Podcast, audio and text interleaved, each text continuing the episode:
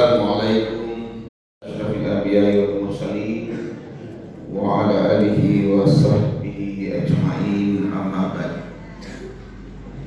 kaum muslimin dan jamaah yang dan dirahmati oleh Allah. Puji syukur kepada Allah Rabbul Alamin senantiasa kita panjatkan atas limpahan rahmat hidayah dan taufiknya kepada kita semua terutama atas perkenannya kita sampai di malam ke tujuh ini sudah satu pekan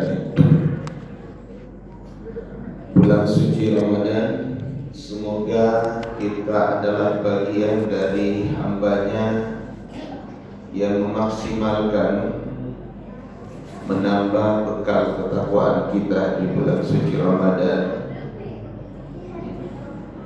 Sekaligus berupaya menjadikan momentum Ramadan ini untuk lebih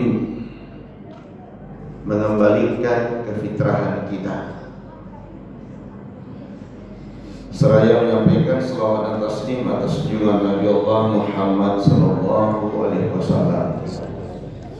Nabi junjungan dan panutan terbaik kita dan semoga kita adalah bagian dari umatnya yang tetap istiqomah menjadikan beliau sebagai teladan terbaik. Jemaah yang dimuliakan oleh Allah Subhanahu wa taala,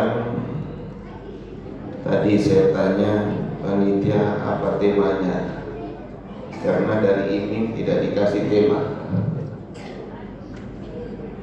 Pak Mustaqim bagus kalau persatuan. Saya tidak tahu apakah kompleks di sini ada yang komplit. Atau mungkin pikirannya karena masih sementara perhitungan di KPU Jangan-jangan ini ada ancaman perpecahan. Atau paling tidak Kemarin-kemarin ada perbedaan pilihan. Kata hakim Tidak ada lagi 01, 02 Yang ada 1 tambah 2, 3 adalah persatuan Indonesia. Tetapi yang namanya manusia kalau tidak ada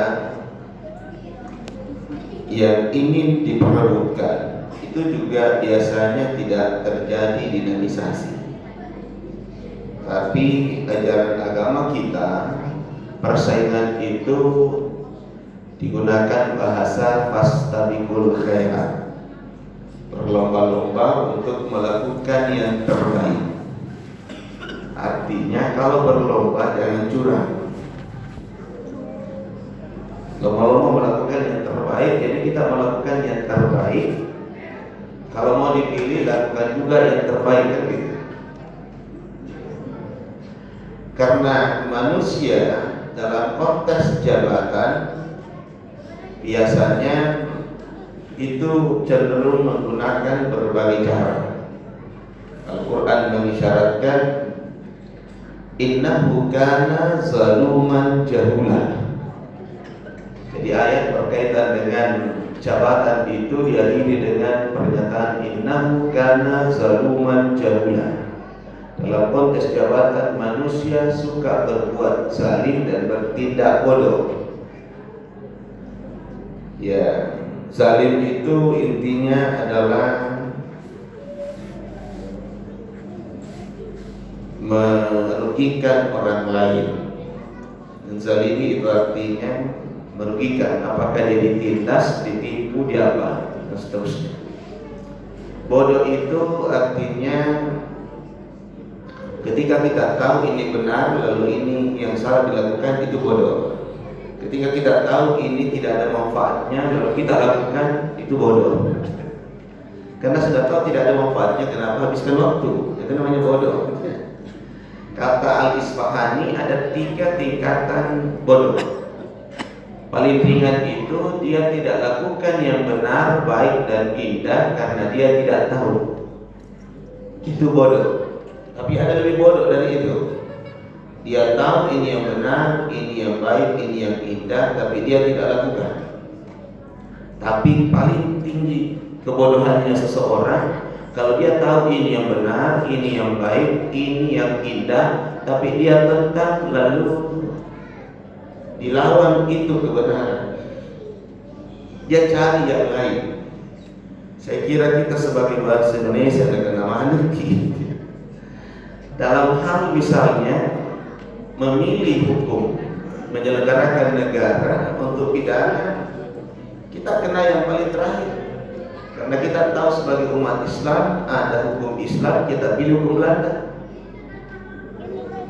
kan gitu ya ada syura tapi kita pilih demokrasi yang tidak dipandu oleh nilai-nilai keislaman atau ada tapi tidak dilakukan Nah ini yang membuat kadang-kadang konflik. Saya ingin mengawali ini dengan mengutip pandangan teologi Muhammad Nasir. Saya kira yang senior-senior ini paham perjuangan beliau. Muhammad Nasir dalam konsep tauhidnya, teologi terutamanya secara khusus tauhid, dia berkeyakinan bahwa Allah itu kan esa Kul huwallahu ahad. Tetapi ciptaan Allah itu adalah satu kesatuan. Dalam konteks satu kesatuan, maka kemudian salah satu sifat yang harus dimiliki oleh manusia atau kesadaran yang harus disadari oleh manusia adalah kesadaran bahwa kita adalah bagian dari makhluk yang lain. Tidak hanya manusia, kita adalah bagian dari makhluk yang lain. Sehingga kemudian kalau kita lihat misalnya konsep yang diajukan Pak Quraisy tentang persaudaraan atau ukhuwah itu dia bagi ada namanya ukhuwah ubudiyah. Kita ini sama-sama satu hamba dari Allah. Semua kita ini makhluk, Allah yang khalik. Kita semua adalah makhluk. Mau binatang, mau burung, itu bagian dari umat Tuhan. Itu antara yang disyaratkan dalam Al-Quran. A'udzubillahi min dabbatin fil ardi wa la tayru yatiru fi janahihi illa umamun amthaluhu. Jadi mau binatang melata atau punya kaki, mau burung yang terbang atau apa itu umat kita. Itulah sebabnya dalam ajaran agama kita ada akhlak terhadap alam lingkungan. Manusia diberikan kewenangan untuk menjadi khalifah Allah dan bisa mengeksplorasi alam ini, tetapi ada aturannya. Mau makan contoh saja boleh kita sembeli itu sapi, tapi ada aturannya. Ada aturannya. Hutan yang ada itu kita bisa memanfaatkan kayunya, tetapi ada aturannya. Tidak sembarangan kita tebang hanya karena kesombongan manusia. Saya kan manusia, ini kan hanya tumbuhan. Itu ada aturannya.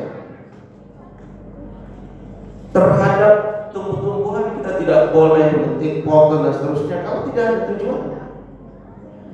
Nah, apalagi manusia. Nah, itu yang pertama. Jadi konsep bahwa ini adalah kita sama-sama hamba dari Allah dan karena itu ada aturan terkait dengan sama-sama hamba.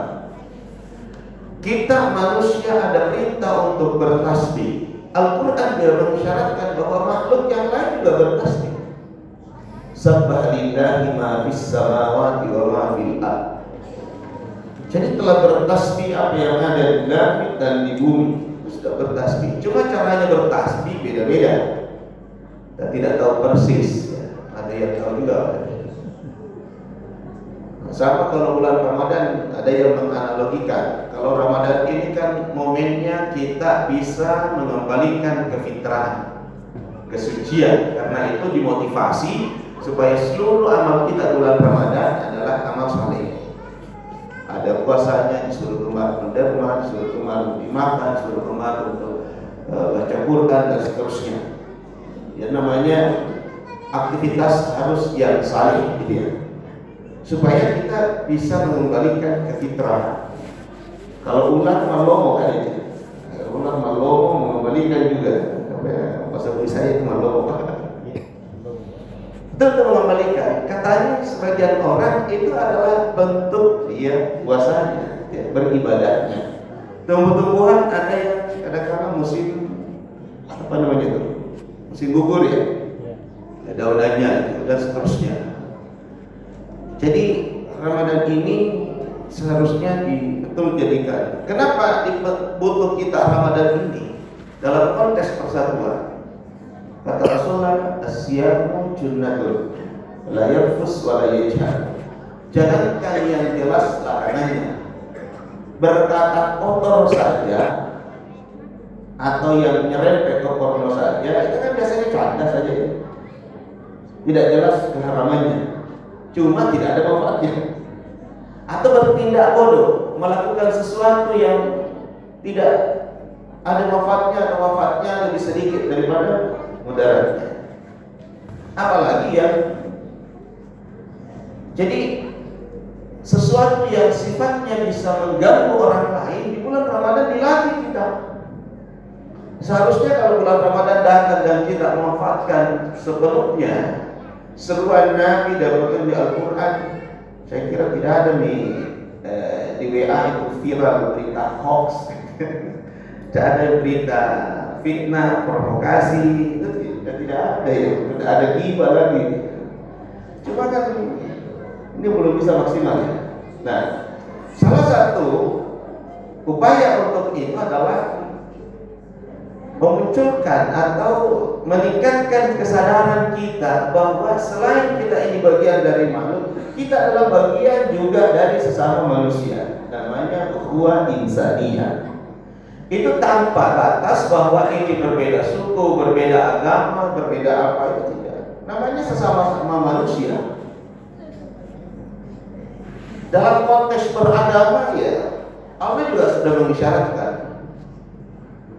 Walau sya'allahu la ja'alakum ummatan wahidah, walakin liyabluwakum fima atakum fastabiqul khairat. Tuhan sudah mengisyaratkan bahwa tidak mungkin kita ini menjadi satu umat yang sama dari suku sudah berbeda-beda, pulau apa dan sebagainya.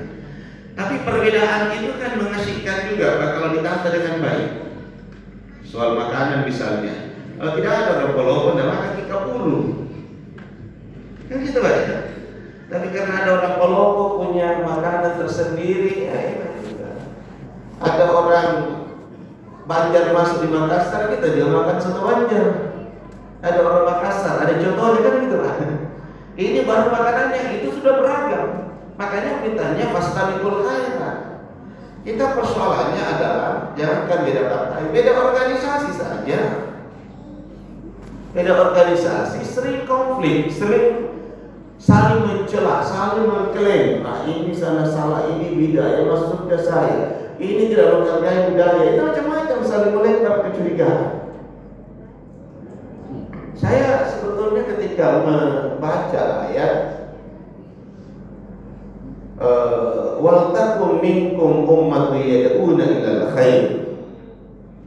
Nah, ini kan ayat yang biasa dipakai mendasari adanya organisasi. Saya kira begitu, Pak. ini saya hafal kalau Muhammadiyah ini ayat ini.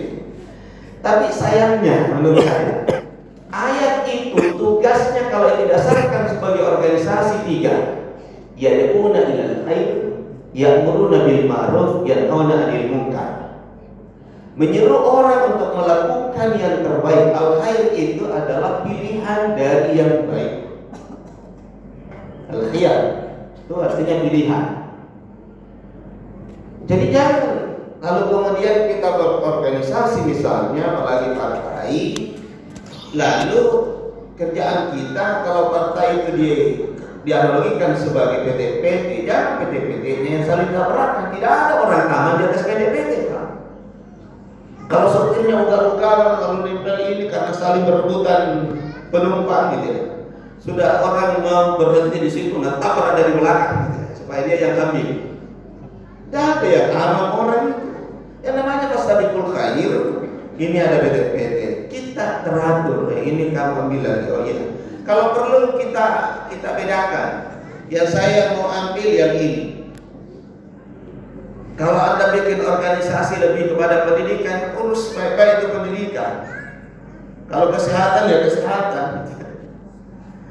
Jadi ya diuna ilal khair. Yang kedua, ya perlu nabi ma'ruf menyeru orang kepada yang dianggap baik. Baik itu secara budaya.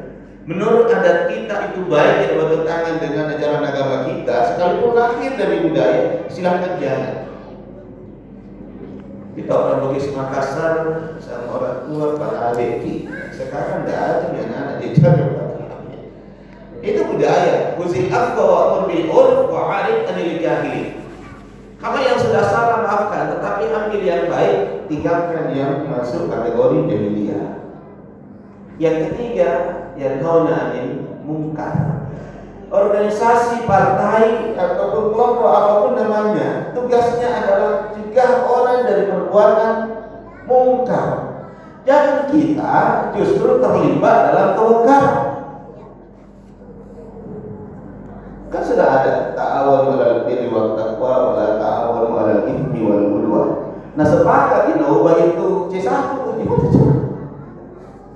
Sepakat tuh kan cara mungkar. Dia yang harus pegang, dia yang lakukan. Gimana bisa sehat di masyarakat? Tapi saya katakan ini yang jelas tiga. Dalam ayat itu tidak diisyaratkan bahwa orang yang berkelompok seperti itu itu membuat fatwa. Kalau fatwa itu ayatnya kalau kana farani kulli firqatin fiddin. Ini harus kelompoknya tersendiri. Yang bikin masalah kita di Indonesia menurut saya karena kita berislam, berorganisasi, akhirnya melahirkan umat Allah. Umat Islam ala Muhammadiyah, umat Islam ala ilmu, umat Islam ala wahdah, umat Islam ala ini. Karena bikin semua fatwa. Seharusnya untuk fatwa itu satu kelompok tersendiri dia kaji, bukan ormas yang membuat fatwa. Ini apa, Pak? Kita kadang-kala lebaran masa tanggal 1 Syawal bisa harinya berbeda. Tanggal 1 Syawal di tahun yang sama. Mestinya kan sama harinya, Pak. Ini pernah dulu Selasa, ada yang Rabu, ada yang Kamis. Ih, masa satu orang Islam? Karena yang organisasi ini bikin fatwa, yang ini juga bikin fatwa, yang ini juga bikin fatwa. Organisasi itu tugasnya ya ilal khair, ya'muruna bil ma'ruf, yanhauna 'anil munkar. Menurut saya ini yang perlu dievaluasi. Nah, saya yakin di masjid ini kan beda-beda juga ormasnya. Nah, masjid harus menjadi pemersatu. Nah, kedua ukhuwah insaniyah. Ada ukhuwah watania wan nasaliyah persaudaraan karena satu bangsa satu turunan. Ini juga isyaratnya dalam Al-Quran sana wa ila adin akahum huda. Kaum Ad itu kan saudaranya Nabi Hud gitu ya. berarti isyarat dalam Al-Quran itu namanya suku ada Bintakan awsa wa jalakum syu'uban wa qabaila tetapi perbedaan yang ada ini caranya adalah lita'araf. Kita saling mengenal, tapi jangan cuma nomor WA-nya yang dicatat. Kita orang Bugis misalnya karakternya seperti apa? Orang Makassar karakternya seperti apa? Orang Solo karakternya seperti apa? Ada orang Solo, Pak. Katanya orang Solo kalau diinjak kakinya, mas-mas kakinya di atas kaki saya. Coba kalau orang Bugis Makassar tindak kakinya, maka musikunya juga berteriak, eh yang utama kamu. Tetapi ada kelebihan dan ada kekurangan masing-masing. Perlu Pak di saling memahami. Saya terus terang, istri saya kan orang Pare, pindah Pak ya. Ketika malam pertama di rumah mertua, ada banyak orang barangkali ini, kenapa ribut sekali? Saya pura-pura untuk keluar buat air kecil di luar. Ternyata hanya tiga mertua saya belakang ini. Kenapa ribut sekali? Ternyata mau maaf. Karena dia orang rapat. Saya orang Mone. Mana singkai sedikit ibu-ibu juga ya. Coba kalau asli. Jadi mendengar yang seperti itu kan kayak kaget Pak. Ini yang perlu dipahami karena kalau tidak kita bisa langsung curiga. Nah, karena itu perbedaan suku, perbedaan bangsa, perbedaan ini harus dipahami. Itu ada lita haraf. Kita kadang-kala mau samakan orang lain dengan diri kita. Ada orang kita ketemu, kok tidak senyum, senyum. Jangan sampai orang ini ada di diri yang lain, orang sibuk ini. Kita maunya dihargai, dihormati. Nah, jadi namanya kan salah paham kan. Jadi ini maksudnya lita'araf Pahami dia latar belakangnya seperti apa. Jadi jangan semar-mar Ada orang besar suaranya dan jangan semar Jangan sampai memang sehari-harinya memang suaranya keras. Nah ini namanya Persaudaraan karena satu suku bangsa, satu negara Itu ada pengikat kita Kalau kita sebagai bangsa Indonesia apa? satu nusa, satu bangsa, satu bahasa. Jadi kalau ada orang punya hak pilih tidak tahu bahasa Indonesia atau minimal bahasa daerah Indonesia, itu perlu dicurigai Pak. Masa ada mengaku orang Indonesia tidak tahu bahasa Indonesia atau bahasa salah satu suku di Indonesia? Nah itu tidak mau disyarat itu menurut saya. Nah, kemudian ada ukhuwah di Islam persaudaraan karena sama-sama umat Islam. Sama iman kita. Seruan dalam Al-Quran bagaimana? Innamal mu'minuna ikhwan. Kun ibadallahi ikhwana. Itu secara Orang beriman ini seharusnya kalau kita sama iman kita maka pasti mudah persaudaraan itu terwujud jadi kalau ada persaudaraan dasarnya bukan kesamaan iman, itu biasanya gampang itu retak. Persaudaraan satu partai, ya begitu sudah pemilihan retak lagi. Karena satu organisasi habis musyawarah, ya retak lagi. Tapi kalau kita merasa bahwa iman kita sama, perintahnya apa Quran apa? Innamal mu'minuna ikhwah fa aslihu baina akhawaykum Wattaqullah la'allakum turhamun. Jadi saya mengartikan hanya saja dengan iman kita bisa membangun persaudaraan yang sejati. Karena ayat itu kan diawali dengan in dan ma menyatu menjadi inna kan? Ini namanya adatul hasan dalam dalam kaidah bahasa. Hanya saja ya terjemahkan sesungguhnya. Jadi kalau dasar kita adalah iman yang sama, maka seruan itu pasti ketika ada saudara kita yang kena masalah, maka itu cepat kita merasakan. Bukan sebaliknya. Saudara kita kena musibah, malah kena penyakit SMS. Senang melihat orang susah atau susah melihat orang senang. Tetapi bagaimana di dalam diri kita itu terbangun namanya sifat ihsan, kepedulian terhadap sesama. Wa yu'thiruna ala anfusihim walau kana bihim asasa. Perintahnya fa aslihu. Fa aslihu itu bahasa makna dasarnya adalah melakukan sesuatu yang baik yang dibutuhkan oleh saudara kita. Cuma kalau terjemahannya Al-Quran itu kan damaikanlah orang yang bertengkar kalau bertengkar didamaikan. Tapi kalau saudara kita itu bodoh, maka cerdaskan dia. Kalau saudara kita itu miskin, entaskan kemiskinannya.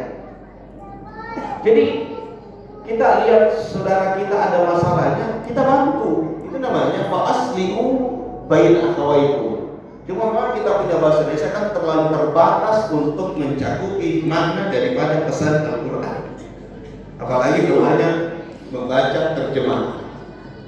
Jadi Kalau kita ingin mengaku sesama muslim Lalu ada saudara kita tertindas Seharusnya itu segera untuk kita menolong.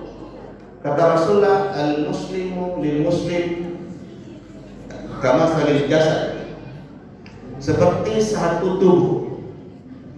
Kalau dari satu anggota tubuh kita ini sakit Maka seluruhnya merasakan Tapi cara menyelesaikannya Tidak selamanya harus terlibat Contoh kalau itu seperti satu tubuh, kalau kepala kita yang gatal, kan cukup tangan yang gatal. Tidak perlu kaki dipaksa. Kalau ada kebakaran, seharusnya tidak mesti turun semuanya ke situ. Tetapi yang perlu dibangun adalah ada kolektivitas kelompok-kelompok yang harus segera turun bikin teleponnya terkoneksi pemadam kebakaran apalagi tenaga kesehatan apalagi terkait kalau datang semua di situ boleh jadi. Ada yang datang menjarak ada yang menghalangi mobil-mobil pemadaman. Pemadam pemadam jadi seharusnya yang dibangun adalah bagaimana bisa selesai segera itu. Nah itu namanya satu apa ya? Satu tubuh. Seperti satu tubuh orang beriman al mukmin lil mukmin kal bunyan yashuddu ba'dahu ba'dan Orang beriman itu diumpamakan seperti satu bangunan yang saling menguatkan, tetapi tidak saling intervensi. Bangunan ada tiang, ada dinding, ada lantai, ada atap. Ini apa ya? Ada jalinan yang sama, saling menguatkan dinding, menguatkan atap, menguatkan tiang juga demikian, supaya ini bisa dihuni dengan baik. Sekalipun mungkin kita bisa mendengar suaranya lantai itu mungkin tidak ada yang mengatakan karena saya lantai lalu kemudian iri sama atap. Kenapa kau di atas terus? Karena atap juga bisa Kenapa saya di atas terus? Saya kena matahari sama hujan. Kau enak di bawah saya lindungi. Tapi kalau saling menopang, saling mendukung kan terbangun sebuah kekuatan. Nah kita umat Islam di Indonesia saling apa itu saling siku, saling memfitnah. Tidak bisa buat Islam di Indonesia kalau belum bisa masjid menjadi pusat persatuan. Jadi caranya umat Islam dilemahkan di Indonesia, jauhkan umat Islam berpolitik di masjid. Karena cara yang paling efektif umat Islam bisa menang adalah politiknya berbasis masjid. Seperti Rasulullah hanya sedikit, tetapi ketika dia hijrah di Madinah, apa yang dibangun? Masjid dulu Pak. Dan masjidnya dijadikan sebagai pusat segala-galanya untuk mengatur, mendirikan negara. Kita dijauhkan dari masjid, makanya tidak bisa bersatu. Yang terjadi hanya bisa bersaing mendekati penguasa. NU kayak yang mendekat, Muhammadiyah kayak yang dekat, atau yang lain kayak dekat. Belum bisa menjadi pemimpin. Karena tidak pernah kita kadar orang melalui masjid. Karena ini iman kita, kita tidak jadikan sebagai kekuatan untuk membangun sebuah ukhuwah yang tepat. Wah ini nanti bermasalah ini karena berbeda dengan hukum kita perlu jihad konstitusi pak. Kalau ada anggota dewan diperjuangkan ini dia begitu. Saya pernah sampaikan di pertemuan di Kendari, situ ada anggota DPR, saya katakan yang perlu diamandemen undang-undang itu adalah undang-undang yang membatasi umat Islam melaksanakan syariat Islam. Tidak perlu syariat Islam namanya, tetapi undang-undangnya, substansinya adalah syariat Islam. Ada larangannya. Itu undang-undang haji sudah jadi kok. Undang-undang pernikahan sudah jadi. Undang-undang zakat sudah jadi. Yang belum kan yang politik, yang pidana kan itu yang belum. Kalau Anda menentang syariat Islam karena kita bukan negara Islam, kenapa pakai hukum pidana produk Belanda? Nah itu penjajahan kita. Lebih kan lebih dipakai. Kalau itu alasannya. Kita tidak terima syariat Islam karena kita bukan negara Islam, tapi kita terima hukum Belanda padahal kita bukan negara Belanda.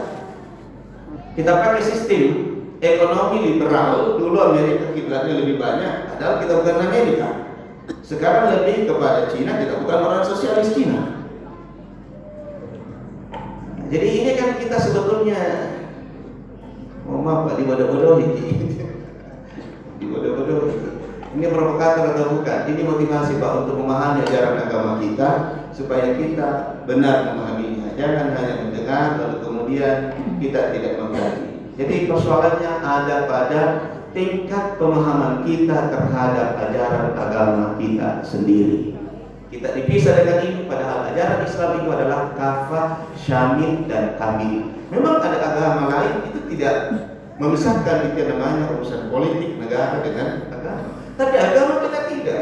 Al-yawma akmaltu lakum dinakum wa ni'mati wa raditu lakum al-islam Sudah diproklamirkan bahwa kita agamanya sudah sempurna ajaran ini. Kalau tidak sempurna, berarti kita tidak yakin ajaran agama kita sempurna. Kalau harus ada dikeluarkan, politik dikeluarkan dari agama, berarti Anda tidak meyakini agamanya dengan benar. Dan Allah wa yakum. Assalamualaikum warahmatullahi wabarakatuh. Waalaikumsalam warahmatullahi